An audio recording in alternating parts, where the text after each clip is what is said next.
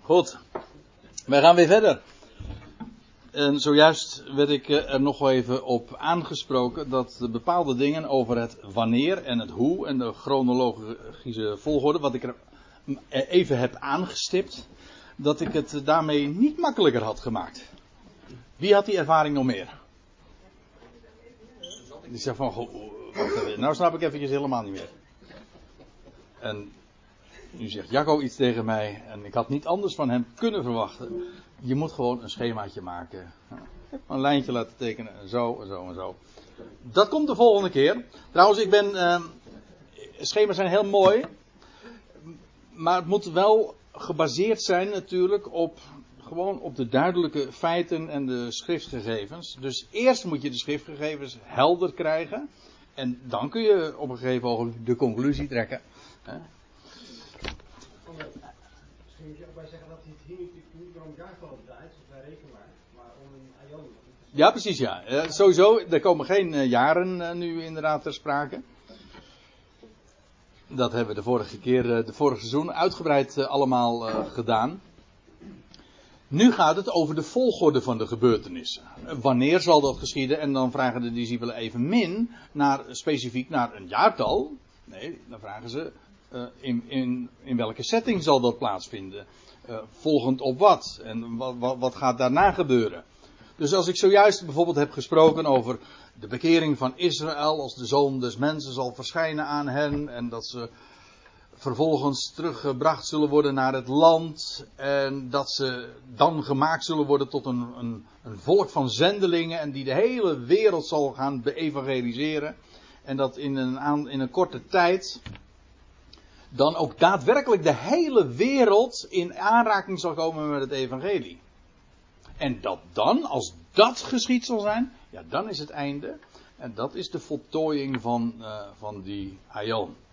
Zullen dat niet vanavond, maar de volgende keer gaan we daar zeker ook nog wel over beginnen. Nou, de volgende keer weet ik wat me te doen staat als het gaat om een, eh, een mooie plaatje daarvoor. Want ja, we moeten wel de vol, de grote voordelen van PowerPoint uh, volledig uitbuiten natuurlijk. En de dingen visueel maken als het even kan. Dus dat wil ik uh, dan graag ook doen. Het eerste wat Jezus doet, als hij antwoord gaat geven op de drie vragen die gesteld waren. Ja. Wanneer, steken, de parousia, maar ook van de voltooiing van de aion. Het eerste wat hij zegt, tot hen: kijk uit dat niemand jullie zou doen verdwalen. Het meest karakteristieke, feitelijk, van deze boze aion is dat mensen erin verdwaald raken. Om redenen waar we het voor de pauze over gehad hebben. Er is zoveel valse informatie, desinformatie ook desinformatie is eigenlijk ook niks anders dan informatie die net een beetje verdraaid is, zodat je gewoon niet meer weet waar het over gaat. Het is karakteristiek van de boze Aion, maar, ik moet erbij zeggen, in het bijzonder van de eindfase juist van die Aion. Dat wil zeggen, het gaat zich ophopen. Het, gaat zich, het is alleen maar een toenemend proces. Het groeit alleen maar. En dat is trouwens ook een, een beeld dat gebruikt wordt door de heer Jezus dat, dat onkruid dat groeit. Ja, en dat komt ook dat onkruid komt tot wasdom. Aan het eind, tegen de, tegen de tijd van de oogst. Dus ook dat mag je verwachten.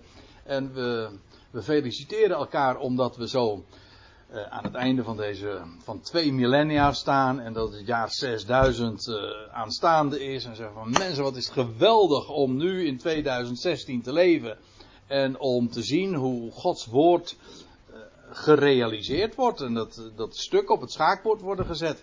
Geweldig om in deze tijd te leven. Dus waar, daar wil ik niks van afdoen. Dat vind ik een geweldig goed bericht. Want dat betekent dat we een, een we hebben des te meer reden om onze hoofden, dat is trouwens ook Matthäus 24, om onze hoofden op te heffen. Maar de andere kant, en dat is ook gewoon heel reëel, je moet je er goed van bewust zijn er is zo enorm veel dwaling, zoveel leugen, ook zoveel misleiding, zodat je verleid wordt. Hè? Zodat je gewoon helemaal niet meer weet uh, waar je het zoeken moet. Dat is precies wat toch dwalen is. Je weet niet meer waar je het zoeken moet. Ook dat hoort bij de tijd. En als u zegt van ik vind het allemaal zo verwarrend, dan heb ik, u, heb ik een troost voor u. Het wordt nog veel erger. kan dat? Ja, dat kan echt nog. Het is maar niet verdraaid. Nee. Ja, dat is. Uh, en dat is precies ook het eerste wat de Heer daarover zegt. Je hoeft. Je, je, moet daarin heel erg alert zijn. En daarom is het ook zo belangrijk om te weten. Ja, om een kompas te hebben. Als we dan toch eventjes over dat beeld van dwalen hebben. Dan, dan heb je. Ja, waar, staan we nu? Um, en waar gaan we naartoe? Dat, is eigenlijk, dat zijn de enige twee dingen die je nodig hebt. Hè? Tom Tom vraagt nooit aan jou uh, waar je vandaan. Nee, ik kijk niet naar Daniel, maar. Uh, dat is Daniel Tom. ja, Daniel is wel erg belangrijk om het profetisch woord te kennen. Hè? uh, maar die vraagt nooit waar je vandaan komt, gekomen bent, of hoe je zo verdwaald bent geraakt. Dat, dat vinden ze helemaal niet interessant psychologen vinden het altijd wel heel erg interessant van ja, hoe, hoe, hoe, ben, hoe ben je zo in de ellende gekomen. Maar Tom Tom vraagt alleen maar, waar zit je? Die wil je weten, hè, om je, hoe noemen ze dat? Uh, ja, ja, hè? Die zeggen wel draai om. Draai om, ja, draai om, ja. Bestemming bereikt. Kijk toch ja. naar de ja. ja, maar dat was wel, wel positionering. Hè? Je moet gewoon, waar ben je nu? Dat moet je weten. Waar zitten we nu? En waar wil je naartoe? Dat, is, dat, is, dat zijn de grote vragen. Uh, waardoor je inderdaad weer weet uh, waar, waar, je waar je naartoe moet gaan. En dan hoef je, en dat is het leuke bij TomTom Tom natuurlijk, je hebt helemaal geen, verder geen verstand nodig uh, van de kaart. Je volgt gewoon de aanwijzingen. oh, je hebt daar mindere ervaringen mee, zo te zien. Ja, oké. Nou ja, goed. Inderdaad, met TomTom uh, is het. Maar goed, bij een volmaakt uh, navigatiesysteem zou dat toch het geval zijn. U, begrijpt wat ik ermee wil zeggen. We wij hebben zo'n kompas. We hebben een licht op ons pad.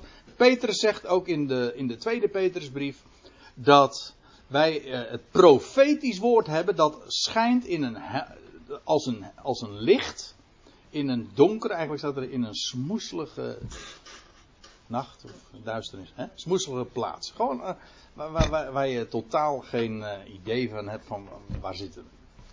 Dat woord. Ja. Wees goed georiënteerd. Daarom is het zo belangrijk om bij de schrift te zijn. En, en niet, het gaat ook niet om clubjes, om een organisatie, om daar veiligheid bij te vinden, want ook dat geeft mee. Als je denkt van, oh jongens, we zitten nu, we zitten in een kerk of we zitten in een gemeente en daar hebben we het goed met elkaar. Dat is zo misleidend. Het gaat om één ding. Het, het is trouwens, ook, dat is ook karakteristiek van, van, een, de, van deze, van de laatste fase van de Aion. En als we dat even breed nemen, dan zitten wij daar gewoon ook al in. Dan dat er maar één ding overeind blijft. Eén ding geeft je, uh, dat, staat en de rest is allemaal in verval. Dat, dat zou je niet moeten verbazen. Zou je moeten verbazen als het anders was. Dus hebben het schrift, that's all, that's all. Maar daar heb je ook meer dan genoeg aan. En rond dat woord valt er inderdaad nog een heleboel te beleven. Ook met elkaar, ik bedoel ook in de onderlinge geloofsgemeenschap. Maar het is alleen dat woord. En voor de rest helemaal niks. En alles wat je meer verwacht, ja, daar, daar, daar, eh, daar, verdwaal je in. Ja.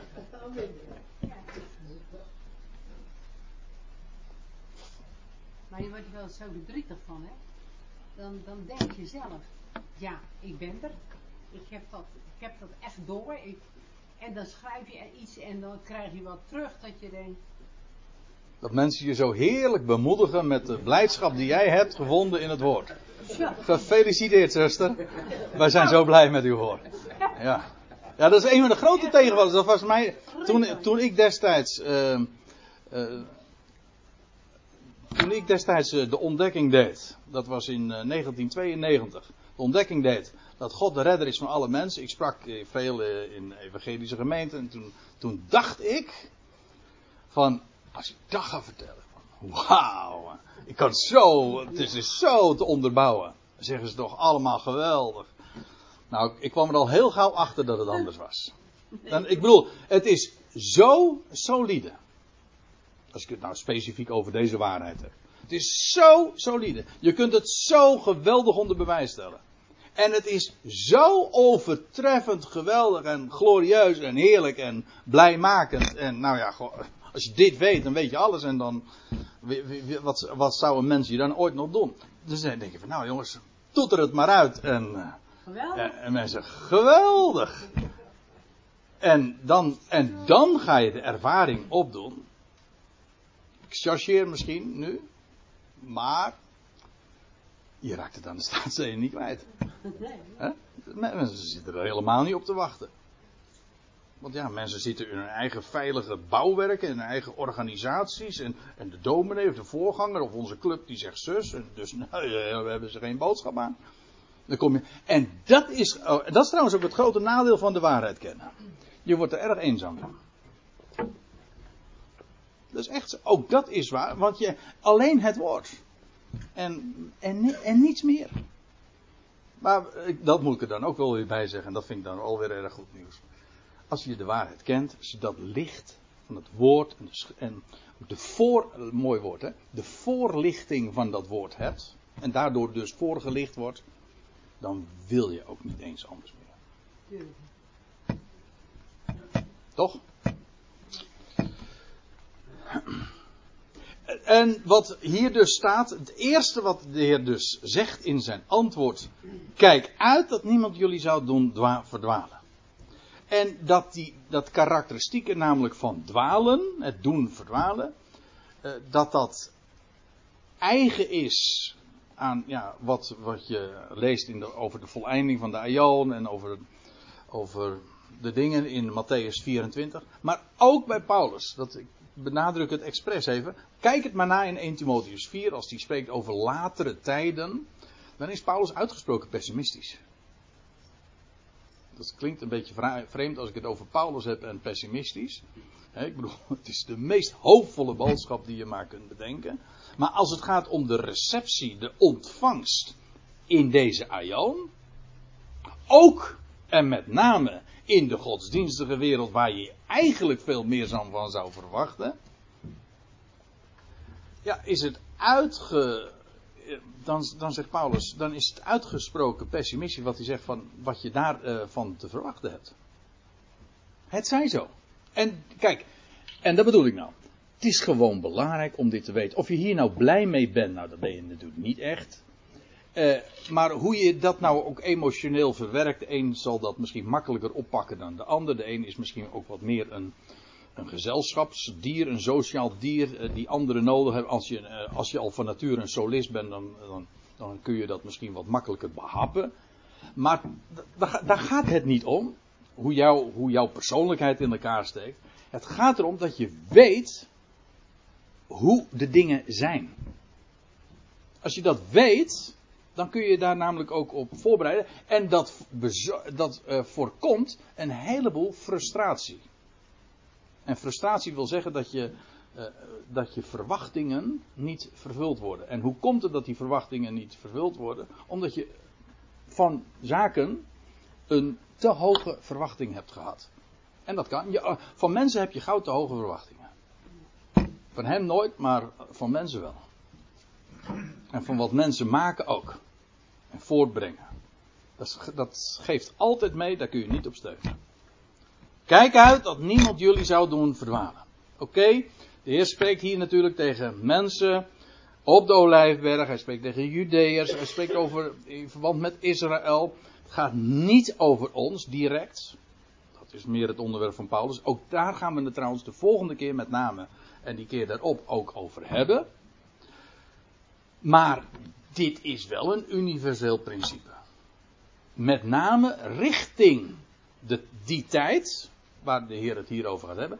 Hoe, naarmate die tijd nadert, zal dit steeds sterker zich aan, aan je opdringen. Namelijk eh, het gevaar om misleid te worden. En de echte klapper, die komt natuurlijk helemaal nog uh, straks. Wanneer er iemand gaat optreden en die zal zeggen dat hij de Christus is. En, en iedereen zal erin trappen. Tussen aanhalingstekens iedereen natuurlijk, maar bijna iedereen. Want, zegt de Heer dan in vers 5, we gaan verder. Want velen zullen komen op de naam van mij. Onder, ja, het staat in de vertaling onder mijn naam, dat is dan idiomatisch weergegeven, maar staat letterlijk gewoon op de naam van mij. Uh, zeggende, ik ben de Christus. Ja, uh, ze zullen komen op de naam van mij. Wat betekent dat? Je zou toch denken dat dat dan betekent dat ze dus kennelijk de naam van Jezus erkennen. Toch? Ze komen op, mijn naam.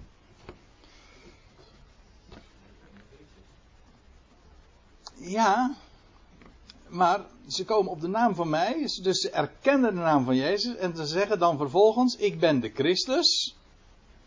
En zij claimen dus zelf de Christus te zijn. Ik ken ook een andere verklaring nog.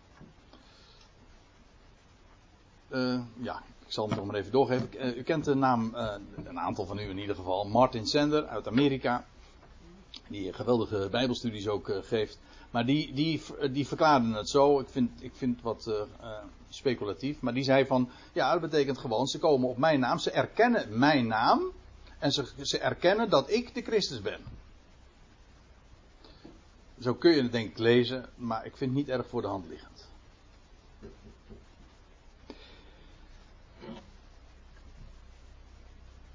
Ik vermoed dat we hier, uh, dat we hier uh, in een heel andere richting hebben te denken. Oh, dat wil zeggen, ze zullen veel, want uh, de Heer heeft het dus nog steeds over, het is ter verduidelijking van, ze zullen velen doen dwalen.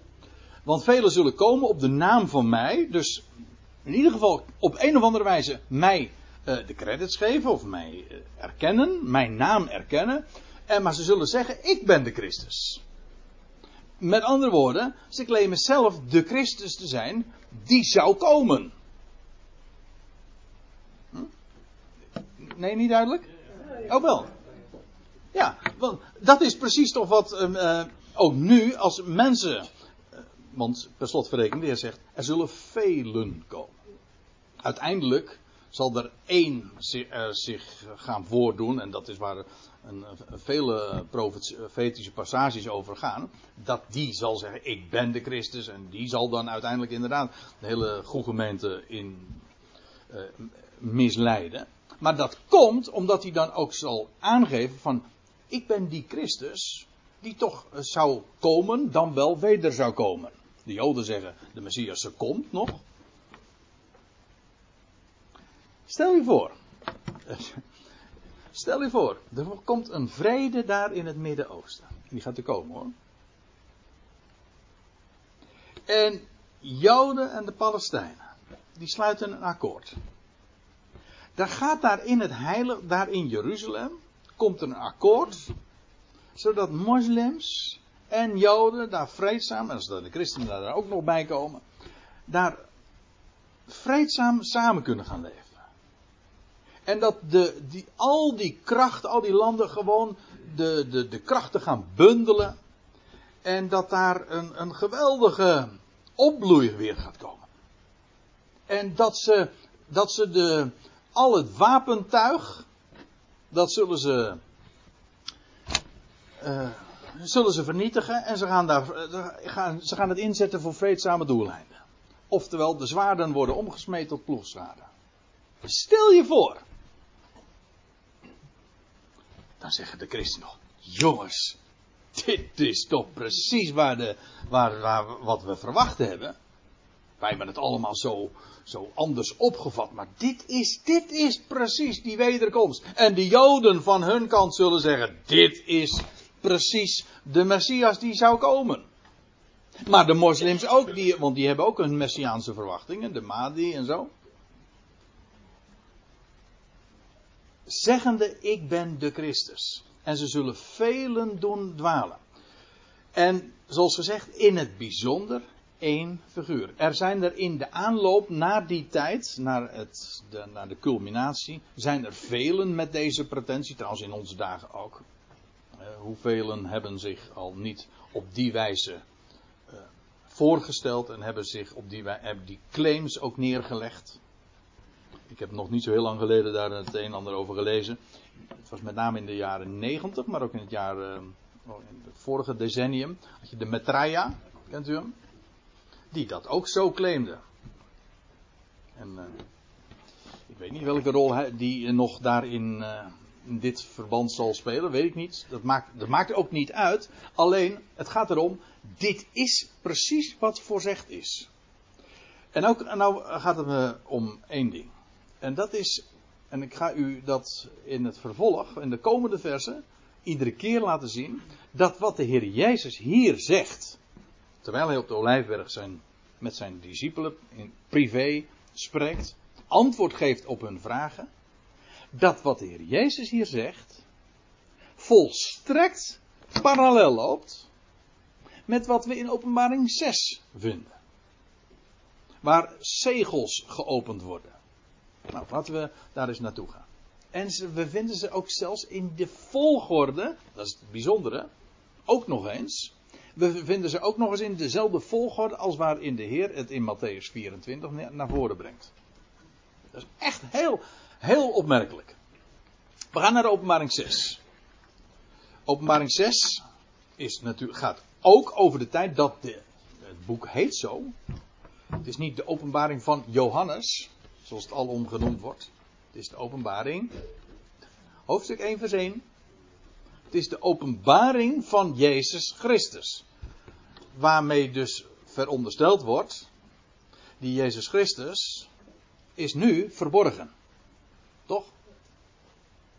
Alleen als iets verborgen is, kan het openbaar worden. Wel, openbaring gaat over die periode dat Jezus Christus openbaar gaat worden. Hij die nu verborgen is. Het meest karakteristieke van de positie van Christus vandaag. Alles is verborgen en wij in hem.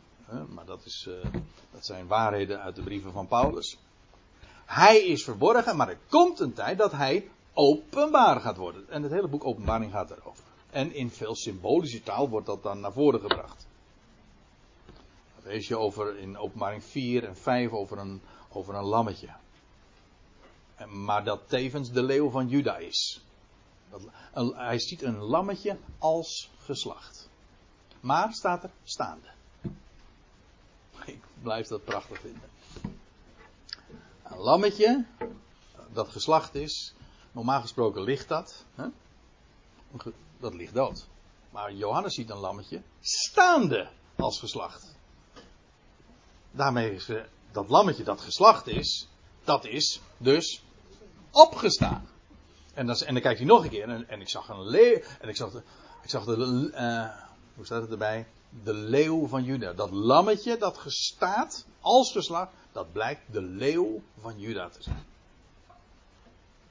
Dus ook daarmee de kroonpretendent. Want Juda is de koningsstam. De scepter is aan Juda toevertrouwd. Vandaar ook de leeuw van Juda, dat is de koning der dieren. Die connectie. Hij is opgestaan, is de leeuw van Juda. En, en, dan, en dan, dan gaat erom, dat, er moet een boekrol geopend worden. En dat, over, in die boekrol, dat, gaat, dat, dat, dat betreft, weet je wat daarin staat? Dan gaat het over de eigendomsrechten van deze wereld. Maar wie kan die akte openen? En er is niemand waardig. En Johannes is daar zo intens bij betrokken. En hij weent zeer. En dan, dan komt dat lammetje. En die is waardig. Die blijkt dus, zo is de beeldspraak, die gaat dat, de boekrol, de eigendomsrechten, de eigendomsakte van deze wereld, gaat die openen. Ook de eigendomsakte van Israël. En toen ik, en ik zag, ik ga nu niet uh, nog meer erover vertellen, we lezen openbaring 6 vers 1. En ik zag, Johannes dus, uh, toen het lammetje, staat in het verkleinwoord hè, een lam is al klein, het wordt hier niet gesproken over een lam, maar over een lammetje. Kan het nog kwetsbaarder? Ja, het kan nog kwetsbaarder, want het lammetje was geslacht. Nou ja, staande dan. Goed, en ik zag toen het lammetje één van de zeven zegels opende. Dat wil zeggen, dat die boekrol is verzegeld. En niet zomaar, maar met zeven zegels. En voordat dat dus geopend en gelezen kan worden, worden die zegels geopend. En hij, de eerste zegel opent hij en dan staat er. En ik zag en zie een wit paard. En die erop zat, had een boog. En hem werd een kroon gegeven en hij trok uit. Overwinnende en om te overwinnen. Wauw. Als je dit leest, waar zou je dan aan denken? Een, een ruiter, iemand op een paard gezeten, een wit paard. En, en die heeft een boog en hij, hij, hij wordt bekroond. Dus kennelijk is het een leider, een koning. En hij trekt erop uit en met succes, overwinnend en om te overwinnen. Nou, dat is toch heel veelbelovend. Waaraan zou je denken? Nou, ja, je kan, ik, kan, nu gewoon nu de vraag stellen. De eerste uh, waar je direct aan zou denken, nou dat moet dan een aanduiding van de Messias zijn. Te meer, daar in openbaring 19, daar lees je inderdaad, over de, daar gaat het heel uitdrukkelijk over de Heer Jezus Christus. En dan staat er van, en ik zag iemand op een wit paard gezeten, en hij, hij trok erop uit en hij hij maakte deze wereld tot zijn eigendom. Ik zeg het nu even met mijn eigen woorden. Maar dan gaat het inderdaad over een, ook een ruiter op een wit paard. En sommigen zijn, uh, waren, helemaal verdwaald zijn in het boek Openbaring, want het kan. Uh, die hebben ook gedacht dat het in Openbaring 6 over diezelfde gaat. Maar dat is juist niet zo. In Openbaring 6 is er sprake. Het begint met iemand die eruit ziet als de Messias. Als de prins, nou dat is wel aardig hè. Als de prins op het witte paard. Wacht u daar nog op? Hm?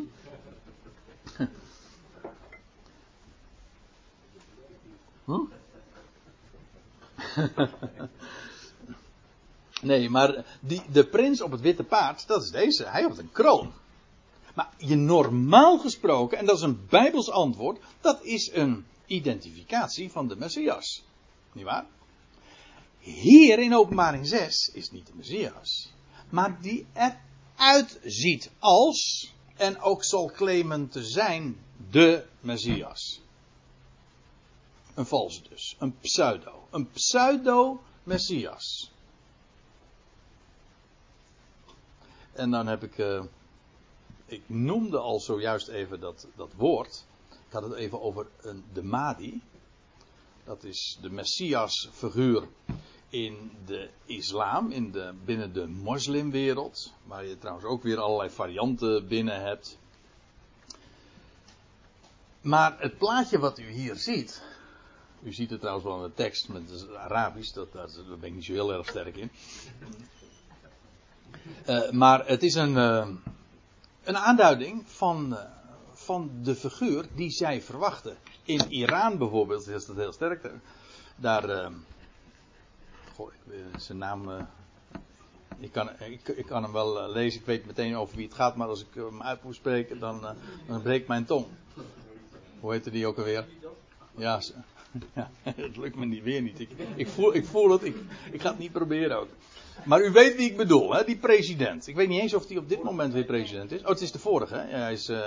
Maar in ieder geval, die was er ook zo zeker dat in zijn dag, gewoon in onze tijd, vergis u niet, hè, dat is zo uniek. Dat wat wij verwachten in onze dagen, en ik, ik bedoel wij, en waar we het de vorig seizoen ook over hebben gehad, hè, twee millennia, nou, de, tijd is uh, op handen, gewoon. Het is niet anders, het is, uh, daar hoef je geen, geen Einstein voor te zijn om dat, om dat te verwachten. Maar diezelfde verwachting die wij hebben van de tijd van het einde en dat er een heel nieuwe era en een nieuw tijdperk gaat aanbrengen, die hebben de Joden ook. Maar de moslims ook. Die moslims hebben ook. Wat dacht u, die, die hele opleving die we in onze dagen meemaken. Van een hele, die hele revival van de moslimwereld. En ook dat enorme zelfbewustzijn. Daar kunnen de christenen niet aan tippen hoor. Want die christenen zijn een stelletje. Ja, zo, wat is dat? In de ogen van moslims. Een stelletje sukkels. Ja, echt. Uh, totaal geen, geen spirit zit daarin. Uh, geen, geen, geen strijdbaarheid. Nou uh, vind ik hun strijdbaarheid nou ook niet echt voorbeeldig hoor. Maar, maar daar gaat nee, maar daar gaat, nou, daar gaat het niet om. Het gaat even om om, om dat enorme bewustzijn wat zij hebben, dat is van een heel andere orde, want het hele christendom dat is compleet verwekelijk. Die staat totaal helemaal nergens meer voor. En de moslims die spreken daar met de grootste verachting over. En geef ze eens ongelijk vanuit dat perspectief. Die worden echt niet de, door de doorsnee christen aangesproken. Totaal niet. Afgodendienaars polytheïsten zijn. Dat ze zeggen één God te dienen. maar, dat, uh, maar zoveel dingen meer. Christenen geloven er zelf helemaal niet eens in. Die hele revival van de moslimwereld.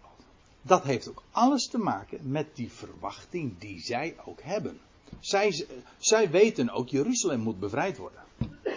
En die Mahdi die gaat komen, dat is, ja, wat voor figuur dat verder is, dat doet nu even niet de zaken. Maar zij geloven trouwens ook, dat is ook zo eigenaardig, de moslims geloven ook in de wederkomst van Jezus. Als een, als een profeet, die dan eigenlijk de wereldleider dan ten dienste zal staan, hoe, uh, hoe zij dat precies invullen, dat doet ook nu even niet de zaak. Het gaat me even om het gegeven zelf. Zij verwachten ook de wederkomst van Christus. Van Jezus.